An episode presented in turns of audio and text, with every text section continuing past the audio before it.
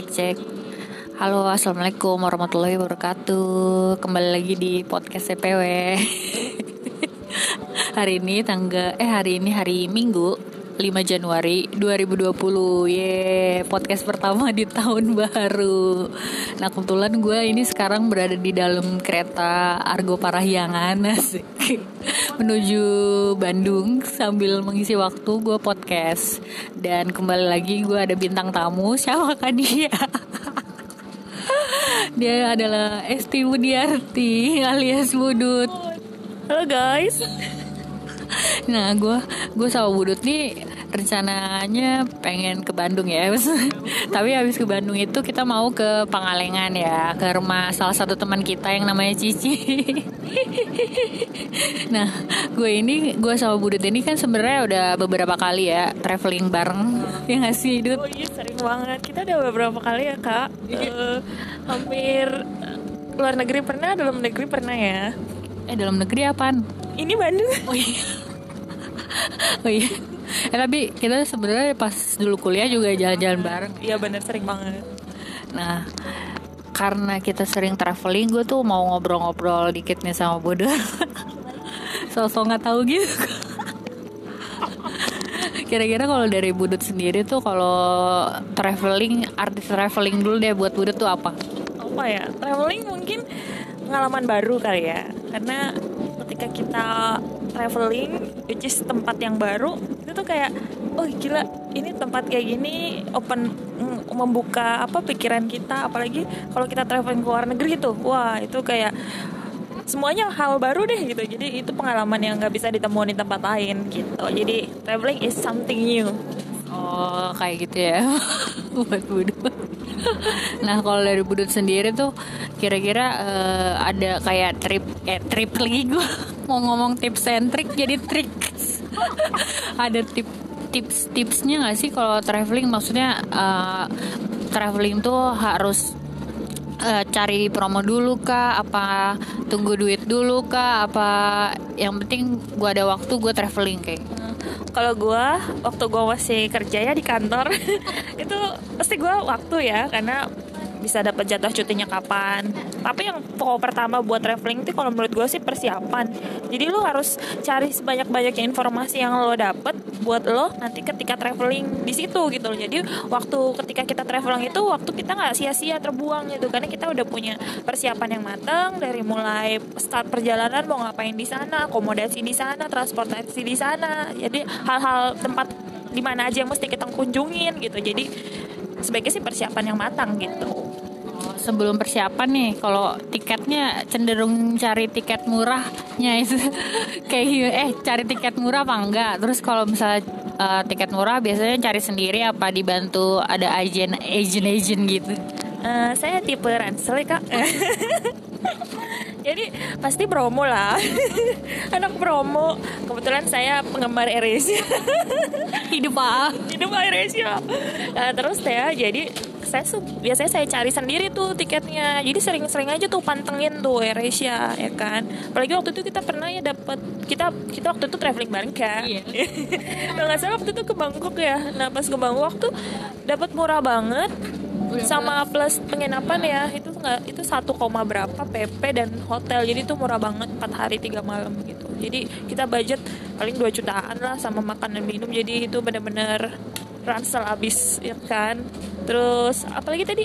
Tiket ya? Oh iya kalau tiket mah cari sendiri. Dan biasanya sih malam. Jadi uh, waktunya apa sih? Nggak lemot banget kan? Biasanya kan rebutan tuh. Tapi kalau pagi atau malam tuh lebih senggang dan gampang gitu dapet tiketnya. Sama bikin anggota kali ya.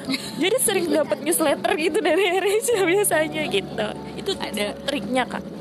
Ada hari-hari tertentu ya hari apa gitu hari tertentu sih enggak cuman kalau pernah dengar dengar sih Kamis Kamis ya nggak tahu sih pernah baca baca gitu cuman nggak tahu sih ya cuman lebih lebih ber, lebih ini sih kayak menurut gue sih mending lo pantengin terus gitu. Kalau pantengin terus tuh kayak kadang tuh ih dapat murah nih pas itu lo langsung klik gitu. Kalau lo kelewat dikit kadang udah bablas gitu. Jadi pas cepet-cepetan wae kalau dari kalau gue sih kalau gue pribadi ya salah satunya berlangganan itu kan newsletter di email dan juga kita follow followin akun mereka di sosmed kayak IG atau Twitter terus kita nyalain tuh loncengnya. Nyalain notification. Jadi kalau misalnya mereka ada tiket promo kita langsung gercep gitu kan langsung. Kan soalnya kalau kalau uh, triknya promo nih guys ya.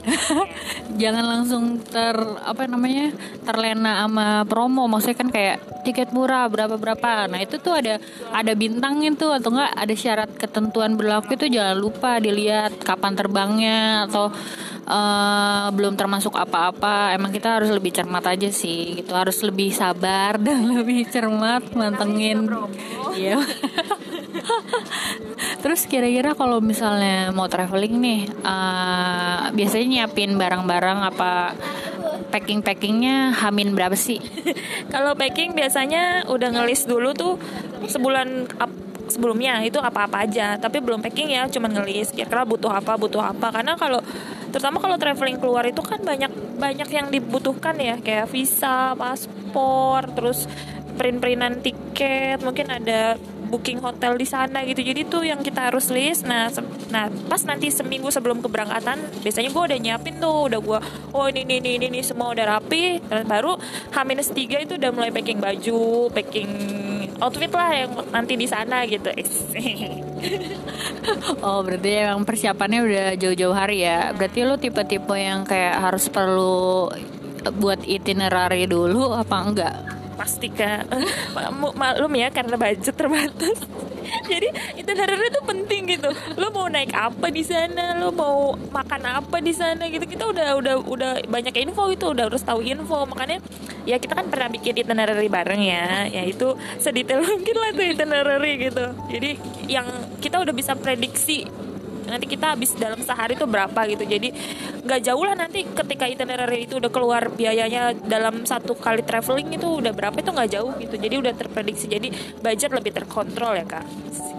Iya bener sih, gue juga tipikal yang emang kayak kalau nggak buat itin dulu tuh kayak gelisah gitu. Mau pergi aduh gila gue belum buat itin nih kayak gitu. Jadi karena mau se sejauh apa apa sedekat apa lu pergi tuh gue selalu bikin itin sih sekarang. Jadi kayak ada udah ada bayangan nih gue mau ke mana nih? Misalnya kayak ke Bandung ini gue budgetnya berapa sih? Kayak gitu. Cuman kalau masih dalam negeri masih bisa lah ya, ya dadakan juga nggak apa-apa lah ya masih masih dalam negeri. Maksudnya kalau dalam negeri masih gampang nyari ATM dan lain-lain. Maksud, selama masih rupiah kan masih gampang ya. Kalau di luar negeri kan kalau lu kurang kurang dikit gitu duitnya kan agak gimana gimana ya? Maksudnya susah tukar uang ya apa gimana? Nah emang kalau tipsnya sih kalau buat keluar negeri apalagi khususnya kalau bisa sih buat itin tuh sedetil mungkin ya. Maksudnya sampai dengan lu mau naik apa di sana itu harus dicek dulu tarifnya berapa sih. Nah selama traveling ini nih kan kita kebetulan berhijab nih berdua ya kalau lu dari lu sendiri ada pengalaman yang unik atau nggak enak gitu nggak kalau apa pakai hijab gitu? Jadi gue baru berhijab itu sekitar dua tahun yang lalu kan, alhamdulillah. Jadi waktu itu pertama kali sebelumnya traveling belum berhijab tuh. Oh iya bener. Uh, oh, iya. Tapi, tapi satu kali tuh pernah ke Vietnam waktu itu jadi di Vietnam itu pertama kalinya traveling luar negeri dengan hijab gitu ya kan? Which is Vietnam itu negara tidak beragama ya kan? Dia komunis. Jadi ketika lihat orang-orang sana kan gak berhijab terus ngeliat kita yang banyak kan di sana kan wisatawannya luar negeri ya. Masih jarang wisatawan muslim kayak kita gitu. Terus ya udah jalan tuh kayak apa kita tuh? Wow siapa ini? Pakai tertutup gitu kan gitu. Apalagi waktu hari terakhir tuh buat sendiri. Yang lain waktu itu gue sama Muti sama Fancy mereka lanjut ke Kamboja. Tapi gue sendiri tuh di Vietnam udah tuh ngebolang itu muter-muter Ho Chi City gitu. Nyari-nyari musola gitu. Sampai akhirnya gue nemu musola uh, dibantuin sama bapak supir taksi. Uh, akhirnya gue diturunin di musola ya. Gue minta ke masjid turunnya musola. Dan alhamdulillahnya tuh di musola ketemu ibu-ibu yang bisa sedikit bahasa Melayu alhamdulillah ya. Secara ya bahasa Vietnam absurd banget semua gue kagak ngerti tuh orang ngomong apa. Gue gak diajak bahasa Inggris aja susah gitu kan jadi ya alhamdulillah ketemu ibu-ibu Vietnam sama bisa bahasa Melayu dan gue sholat dan udah deh jadi punya kenalan lah di Vietnam gitu. Oh iya, tambahan dari gue sih kalau ke negara-negara yang ada tulisan Latin-Latin keriting-keritingnya itu sih. Gue selalu simpen dulu misalnya mau ke masjid apa nih. Mereka kan pasti ada tulisan Latinnya kan. Nah itu kita harus juga save tuh tulisan si keriting-keritingnya itu. Misalnya kayak ke Vietnam, Laos, Bangkok kan dia punya tulisan sendiri. Kayak tulisan keriting-keriting Jawa gitu nah caraka. Nah itu tuh berguna banget guys buat uh, panduan kita. Misalnya kita mau ke mana kita kasih tunjuk tuh tulisan si keritingnya itu. Nah orang lokal tuh biasanya lebih paham daripada tulisan Latinnya kan. Kayak ke Bangkok tuh. Kan gue senengnya naik bis ya bukan naik LRT dan lainnya. Nah kalau naik bis kan kita harus tahu tuh shelter kita turunnya mana. Nah biasanya gue browsing dulu nama shelternya gue simpen deh tuh nama tulisan Latinnya Bangkoknya tuh. Gue tunjukin ke apa namanya kondekturnya. Ya udah pakai bahasa isyarat aja tuh. Maksudnya gue mau turun sini kayak gini. Alhamdulillah berhasil sih. Nggak pernah keterusan. Tapi itu serunya traveling keluar ya kak. Bener-bener unpredictable gitu uh, lo udah nyiapin tapi tetap aja kan ada sesuatu yang yang tapi itu serunya kan gitu. Apalagi ke negara-negara yang bahasanya sama sekali kita kagak ngerti baca aja kagak bisa. Apalagi ngomong apa ngomong apa nih orang? Tapi seru ya jadinya. Karena gue ada pengalaman nih kan. Itu masih di Vietnam juga tuh. Jadi gue mau balik kan hari ketiga tuh sore ke airport penerbangan malam Nah terus gue naik taksi tuh. Nah bapaknya literally gak bisa bahasa Inggris. Jadi gue ngomong pakai bahasa Inggris Dia ngomong pakai bahasa Vietnam. Kagak tahu dah tuh arti. Koplak banget ya. Nah, Terus okay, untung apa? Jadi untung dia bisa ngerti satu kata airport. Udah itu gue udah beruntung banget. Airport. Airport, airport. Iya makanya sumpah ya. Itu harus, lo harus bahasa tubuh ya? Iya terus gue airport bahasa tubuhnya gimana ya? Itu Pesawat gitu kan. Dia ngerti untuknya airport. Udah lah tuh gue di turun di Tansonat ya namanya Tansonat International Airport. Udah udah gue selamat sampai di airport ya. Walaupun gue bercakap-cakap dia ngomong apa tuh aneh banget ya bahasa Vietnam? Cang cang iya iya. Ya itu aneh susah banget. Ya udah gue bilang udah thank you gue bayar. Terus kalau di Vietnam kayaknya ada tips ya. Kayaknya pakai pakai tips gitu bayar taksi kayak dilebihin gitu deh. gue naik taksi ya ya malu saya sendirian saya nggak dapat bus. Terus takut telat tuh saya naik taksi. Tapi taksi murah karena dong kan nilai mata uangnya lebih murah ya dari rupiah. Jadi kita masih terbilang murah lah di Vietnam.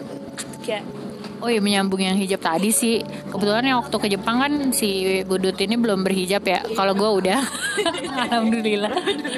Nah kalau gue pribadi sih nggak nyadar. Apa waktu itu lu apa mutep ya yang ngomong ya? Jadi kalau kita jalan tuh kayak diliatin sama orang kayak waktu itu kan ke, kebetulan kita ke sana kayak early early early emang summer ya? Semi apa sih? Early usia langsung nggak tahu. Early spring. Nah itu kan masih dingin juga ya. Nah itu kayak orang-orang kayak pada ngeliatin kita ini orang kayak kedinginan banget sampai kepala kepalanya ditutupi Iya belum. Se apa ya? Se sekarang kan Jepang sekarang udah mulai ramah muslim ya. Tapi waktu kita 2015 ke sana kan udah lama ya? Iya udah lama ya. E, itu masih kayak masih jarang gitu ya orang-orang berhijab sampai kalau naik kereta tuh dilihatin dari orang siapa? Apalagi orang Jepang kan agak-agak uh, ini ya apa ya gimana sih kayak mending menjauh gitu loh kalau sama orang asing gitu. Nggak mau terlalu dekat gitu kurang so sosial kalau gimana ya? Eh kalo, gitu deh. kalau kenal aja kali. Maksudnya kalau di kayak, kayak kendaraan umum atau oh, kendaraan umum misalkan lo duduk nih ada orang nih. Dia mending berdiri kan orang Jepang. Gitu nggak sih? Nggak tahu deh. Gue nggak beratin sih. Nggak beratin ya kalau salah ya maaf. Nggak cuman kan beda ya. Maksudnya emang budaya kayak kita nih kayak di kereta. Kita kan kayaknya kalau nggak ngobrol nggak enak ya. Apalagi kalau duduk ekonomi depan-depanan gitu kan. Oh iya sih karena kalau di Jepang kan yang budaya di kereta nggak boleh berisik. Jadi mungkin ya mungkin gue sendiri diri gitu baca atau apa gitu. Jadi memang budayanya beda sih ya. Budayanya ngerubi ya begibah. Ya Allah gibah. Ya baik ya maaf ya Allah. kita harus kurangin. Kita nggak gibah tau kita tuh kita bicara fakta. Fakta. Enggak kita berfakta orang lain. Enggak enggak, enggak kita kita tuh apa sih saling bercerita tentang masalah. Curhat sih kak. Sharing sharing ya. Iya. Mudah-mudahan ada manfaatnya gitu. Manfaat kok kita ngomongin teknis gitu kan sih ya proyek maksudnya. Ya mungkin beda budaya juga sih. Jadi kalau kita ke luar nih kita juga harus cari tahu apa sih yang nggak boleh ap, maksudnya hal-hal apa yang nggak boleh dilakukan di umum apa nggak sopan gitu kan. Budaya mereka sama kita kan bisa aja beda ya karena karena tiap negara tuh punya keistimewaan masing-masing agamanya beda budayanya beda jadi kita harus respect ke mereka apalagi kita di negara mereka.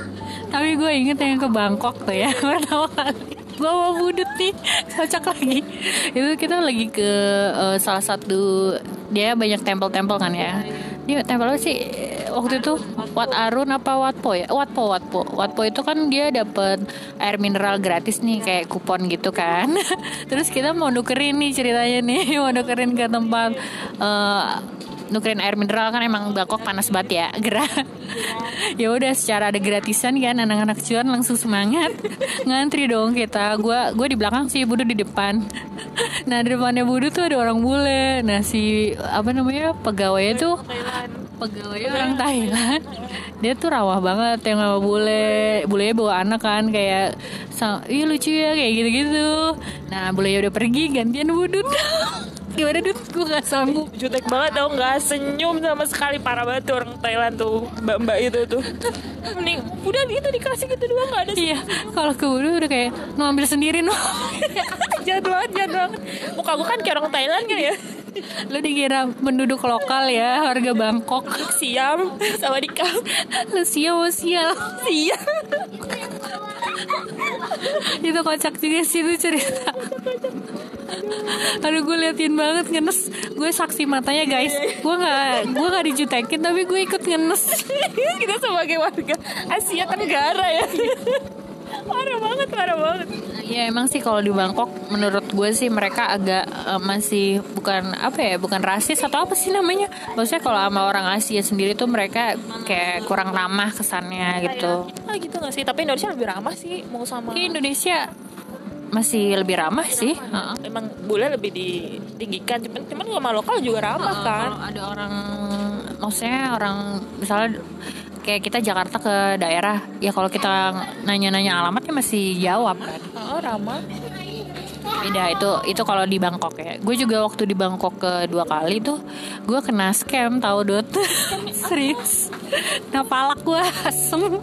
Jadi kan gue mau naik perahu-perahu itu tuh yang dari ke Watarun ya nyebrangin kan naik kapal. Nah yang pertama kali kan kita ke tempat yang kayak murahnya loh kayak maksudnya ekonominya lah kan ngantri ya. Gue tuh udah mau masuk ke arah ekonomi. Nah di depan pintu tuh kayak ada calo-calo gitu emak-emak. lah gue udah hir hir gitu kan kayak kabar kabar maksudnya gue mau nunjuk ke sana maksudnya mau bukannya beli di sana maksudnya kayak gitu gue mau ngomong kayak gitu. Terus kayak ibu-ibunya ngomong sekarang di sini kayak gitu. Hah sekarang di sini? Gue udah agak itu pagi-pagi banget. Eh nggak pagi-pagi maksudnya pagi-pagi sana lah maksudnya belum banyak orang. Gue pikir soalnya di sana juga nggak ada orang. Gue pikir oh ya bener juga ya di sana nggak ada orang gitu. Gue udah eh uh, ya udahlah gue beli di emak-emak ini gitu kan pas beli tuh kira-kira berapa ya? Sepuluh ribu bat apa seribu bat gitu? Pokoknya mahal deh mahal banget. Istilahnya kalau kita beli ekonomi secara yang murah-murah tuh misalnya 300 gitu atau berapa ribu nah gue kenanya seribu uset dah pokoknya. Dan dan emang langsung kayak ada jalur khusus sih kayak sama mama itu kayak sini sini sini langsung di di uh, diarahin ke perahunya dan gue cuman di perahu itu berdua doang dong sama adik gue udah kayak VIP Bangkok tuh beberapa emang banyak scam ya terutama kayak ke tempat wisata yang paling gede itu yang Grand Palace ya. Nah, nah di Grand Palace tuh jangan mau ditipu sama tukang taksi atau beca ya. Soalnya katanya kalau siang itu tutup tutup. Padahal mah nggak tutup. mereka cuman alih-alih tuh kayak mau ngelilingin kita biar berhenti di toko buat mereka dibayar mungkin kerja sama toko. Tapi sebenarnya nggak ada namanya tempat wisata tuh tutup jam 11 sampai 12 tuh nggak ada kan. Maksudnya mereka tetap open gitu. Itu suka ditipu-tipu aja. Tuh hati-hati tuh. Itu pentingnya buat itin juga ya guys. Pas kalau buat itin kan kita mau nggak mau browsing ya. Maksudnya itu kapan bukanya jamnya tutupnya kapan kayak gitu sih tapi menurut gue sih kalau kena scam scam gitu jadi ada pengal pengalaman aja sih pengalaman buruk. Maksudnya kayak ada experience oh berarti gue kalau ke sini lagi uh, kayak gini. Maksudnya daripada kita nggak pernah kena kayak gitu-gitu kan kayaknya nggak ada pengalaman kan kayaknya gimana gitu kan. Tahu ya. Dari tahu. Dan gue waktu ke Laos nih gue kena scam mulu ya orang. Iya. Ke ke Angkor Wat kan. Oh iya iya. Angkor Wat tuh rame banget kan. Itu banyak bule-bule. Nah gue lagi foto-foto. Eh ya Kamboja. Kok Laos sih? Gue gue gak pernah ke Laos. Terus ke makanan kali ya jadi laut. gue ingetnya dapur Laos. Angkor kita ke Laos kapan ya? baru baru. Iya, iya, iya. enggak enggak. Sorry guys. Gue adalah ke Kamboja. Eh gue gak pernah ke Laos tau. Iya, ya, gue lupa soalnya deket sih tuh negara maksudnya pas ke Kamboja ke Angkor Wat tuh kan rame. Terus gue mau foto-foto. Nah ada yang ada yang deketin gue gitu. Kayak dia mau nunjukin nih tempat foto yang bagus di mana. Kok gue dengan polosnya juga ngikutin tau nggak? Di sini sini. Terus kasih foto-foto difotoin dibantu fotoin. Terus ujung-ujungnya gue di, di bawah tempat yang sepi. Sumpah gue udah aduh kayak gue salah nih gue gitu gue bilang ke Mogi. Gue emang polos banget sih kadang.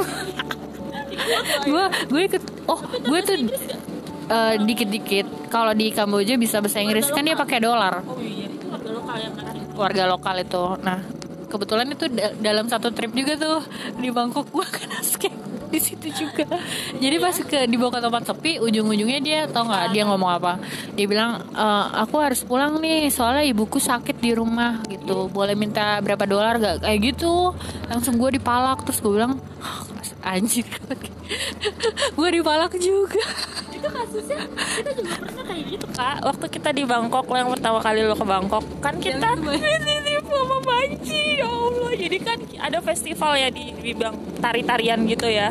Sebenarnya itu kita nggak mau ke situnya sih. Itu kan ya kayak wisata apa sih kayak desa Prancis gitu ya kalau di di Pattaya ya waktu itu. Nah terus boleh foto-foto gitu. Nah kita ya diajak ya foto yuk foto foto. Eh nggak tahu kita diminta bayaran per foto. Kayak scam juga kan? Nggak per foto juga per orang. Iya per orang, per orang terus berapa orang terus dikali. Ih parah banget, parah banget itu. itu gue ada videonya sih gue pengen posting tapi lu lu makin jilbab kocak banget Gak usah, gak usah diposting ya. soalnya kita juga udah misu-misu gila kita habis foto terus dipalak banci ya Allah, ada di, di perskeman ya di dunia perpariwisataan nih hati-hati ya. jadi emang harus hati-hati aja guys cuman maksudnya jangan terlalu hati-hati banget Eh, maksudnya berhati-hati secukupnya lah maksudnya waspada jangan sampai kelihatan polos-polos banget kayak gue bukan Eh, BTW, BTW next time mau ke mana nih kak? Sik. Kalau gue pribadi ya sih. Kalau ada duit banyak mah gue mau eh, ke Mekah dulu ya. Kalau banyak duit. Kalau banyak duit. Gue juga mau umroh ya kak, insya Allah amin. kalau banyak duit gue umroh tapi kalau kalau impian pribadi ya secara eh, ini ya penonton setia drakor. Gue pengennya pasti ke Korea sih. Iya iya iya. kalau lo gimana? Korea mau, cuman pertama kan umroh dulu niatnya nih insya Allah ya tahun ini. Nah kalau Korea sih pengen, sebenarnya pengen lihat salju. Biar kayak Winter Sonata enggak enggak enggak. Sebenarnya karena apa ya? Korea kan mm, salah satu kiblat landscape ya. Selain Jepang ya, gue suka banget kalau Jepang. Kalau Korea tuh kayak mirip-mirip, cuman beda beda budaya juga kan. Terus bagus lah tata kota Seoul tuh pengen ke Seoul jadi pengen pengen lihat gitu penasaran. Kalau kata teman gue yang udah ke Jepang Korea ya? Masa landscape-nya bagusan Korea? Eh enggak lah bagusan Jepang sebagai yang pernah ke Jepang. Tapi anda belum ke Korea kan? Belum ke Korea jadi saya nggak bisa bandingin ya. Kan harus ke sana. Iya iya makanya mau gue bilang kan masa sih bunganya Jepang juga bagus. Nah kalau tergantung sih preferensi lo gimana. Kalau Korea itu lebih ke landscape-nya kayak modern gitu deh. Kalau walaupun dia ada juga kota ininya ya, kota tuanya. ini kak bedanya gini Tokyo tuh kan udah terbangun dari tahun 70-an ya udah udah udah maju ya. Jadi sekarang tuh Tokyo banyak gedung-gedung lama gitu. Mungkin yang baru tuh di pusat gitu loh kayak yang di distriknya aja. Tapi di apa di kelilingnya itu ya masih banyak bangunan-bangunan yang agak lama gitu. Dibanding Seoul yang lebih modern bangunannya kaca-kaca memang terlihat lebih futuristik Seoul gitu. Jadi mungkin ngelihatnya gedung tapi secara tata kota landscape jauh banget sih mending Jepang mana-mana kalau menurut gue gitu Kita bisa menilainya setelah kita ke Korea dulu ya guys ya. saya saya preferensi saya Korea ada dari drakor ya ya bener mereka pengambilan gambarnya bagus ya. Jadi pengen orang bikin pengen orang ke sana gitu. kalau kalau ke Korea pengen ke mana kak rencana Gue di mana dia ada promo aja lah. Yang penting gue nginjekin kaki Korea. gue tuh pengen ke sungai Changgyeocheon ya eh, apa sih Changgyeocheon. oh Chang- Changgyeocheon terus Itu di Seoul. di Seoul terus apa istana palace-nya tuh yang buat syuting-syuting gitu kan Gyeongbuk Palace yaitu uh, uh, biasanya kalau Seoul sih apa namanya tripnya ke situ-situ aja sih Iya sih kayak, orang tuh kalau ke Seoul pasti itu ke situ gitu yang gembok-gembok gitu gitu. Cuman kalau ke luar Seoul kayaknya agak biasa ya. Nggak tahu sih sebenarnya kalau kalau gue nonton drama ya kalau yang sekarang sekarang tuh lebih banyak dia ngambil di luar Seoul. Jadi gue udah nanda nandain nih ke Busan Incheon. Eh Incheon usah sejauh Busan juga sih. Busan kejauhan ya? Di luar kayak kayak misalnya kalau dari Jakarta ke Cirebon lah tiga jam itu naik kereta juga ada. Kayak di di daerah Pohang di daerah sekitar Seoul lah di lingkar luarnya Seoul gitu. Itu juga banyak. Kayak Bekasi Tangerang yeah. gitu ya. Ya di situ-situnya sekarang mulai jadi tempat syuting guys. Jadi kalau kalau setting yang misalnya perkantoran itu biasanya di Seoul kan. Kalau ceritanya tentang ada pedesaan itu di sekitaran Seoul gitu. Apalagi ya apa ya mungkin Korea nggak tahu karena belum pernah cuma pengen tahu budayanya juga sih orangnya kayak gimana gitu. Kalau lu kalau ke Jepang lu pulang-pulang pengen nunduk-nunduk jadinya deh. Gue kebiasaan banget tau kalau ke Jepang bener. Ini gue kenapa nunduk-nunduk? Ya masing sih sih masing sih gitu. Ini kenapa gue nunduk-nunduk? Apa-apa terima kasih nunduk. Minta maaf nunduk. Ketemu orang nunduk gitu. Ya Allah lama-lama nunduk-nunduk mulu di sini. Tapi mirip sih kita, kita orang Indonesia juga suka nunduk ya. Apalagi orang Jawa kan suka. Apa sih namanya nyapanya agak-agak nundukin kepala kan gitu. Nah kalau Korea pengen tahu juga sih budaya sifat-sifat karakter orang Korea gitu.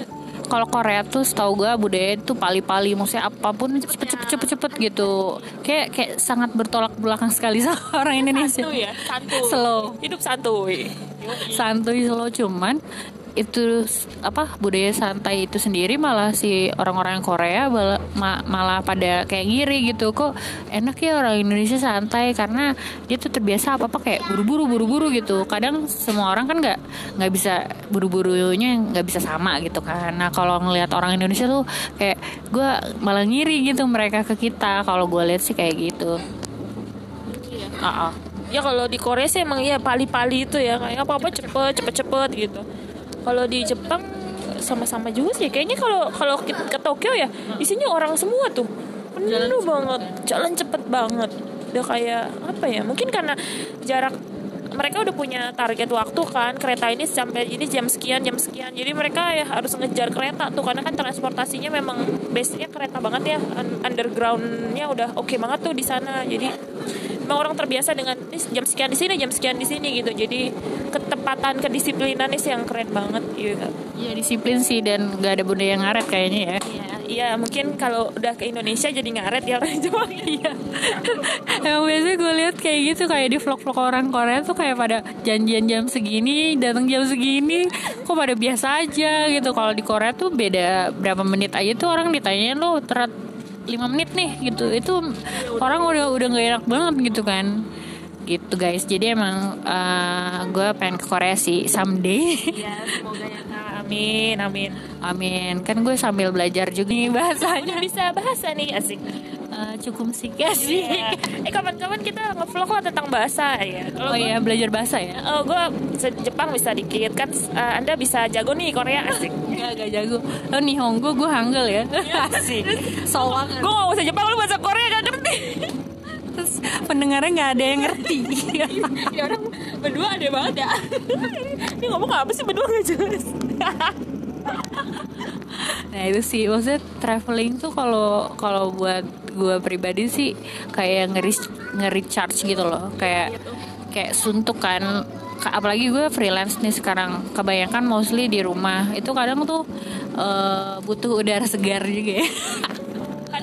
Manusia kan butuh istirahat ya. Kayak kita kan tidur kita kerja kita ada tidur ya waktu istirahat. Begitupun apa itu dalam sehari kayak gitu juga kerja kerja misalnya dalam seminggu lima hari ada off dua hari kan kalau orang kantoran tapi kalau orang freelance ya kan sebebas bebasnya ya yang penting kita target waktu kerjanya selesai ketika ada waktu luang bisa off ya udah seperti kita ini orang-orang udah kerja kita libur. Nah, iya enaknya tra- eh, traveling enaknya freelance juga pas traveling tuh lo nggak pusing-pusing mikir aduh gue harus cuti ini atau apa. Gue mah ada promo ada duit beli. Nggak tahu mau terbangnya kapan. Yang penting ada promo dulu. Beli dulu. Beli dulu tiketnya ya. Itu penting. Oh iya bener kalau misalnya lu punya udah punya tiket nih udah kebeli itu gampang deh yang lain kayak ngikut gitu hotel nanti apa apa, apa gitu. Tapi kalau lo nggak punya tiket tuh kayak nanti nanti nanti nanti gitu. Nggak nggak nggak nggak beli beli nggak nggak jadi jadi traveling ya. Emang kalau misalnya kita udah biasa traveling nih, lo ada tiket murah nih, ada terus kebetulan lagi ada duit juga, tuh emang harus dipaksain beli sih. Urusan nanti pas berangkat ada duit apa enggak itu urusan nanti.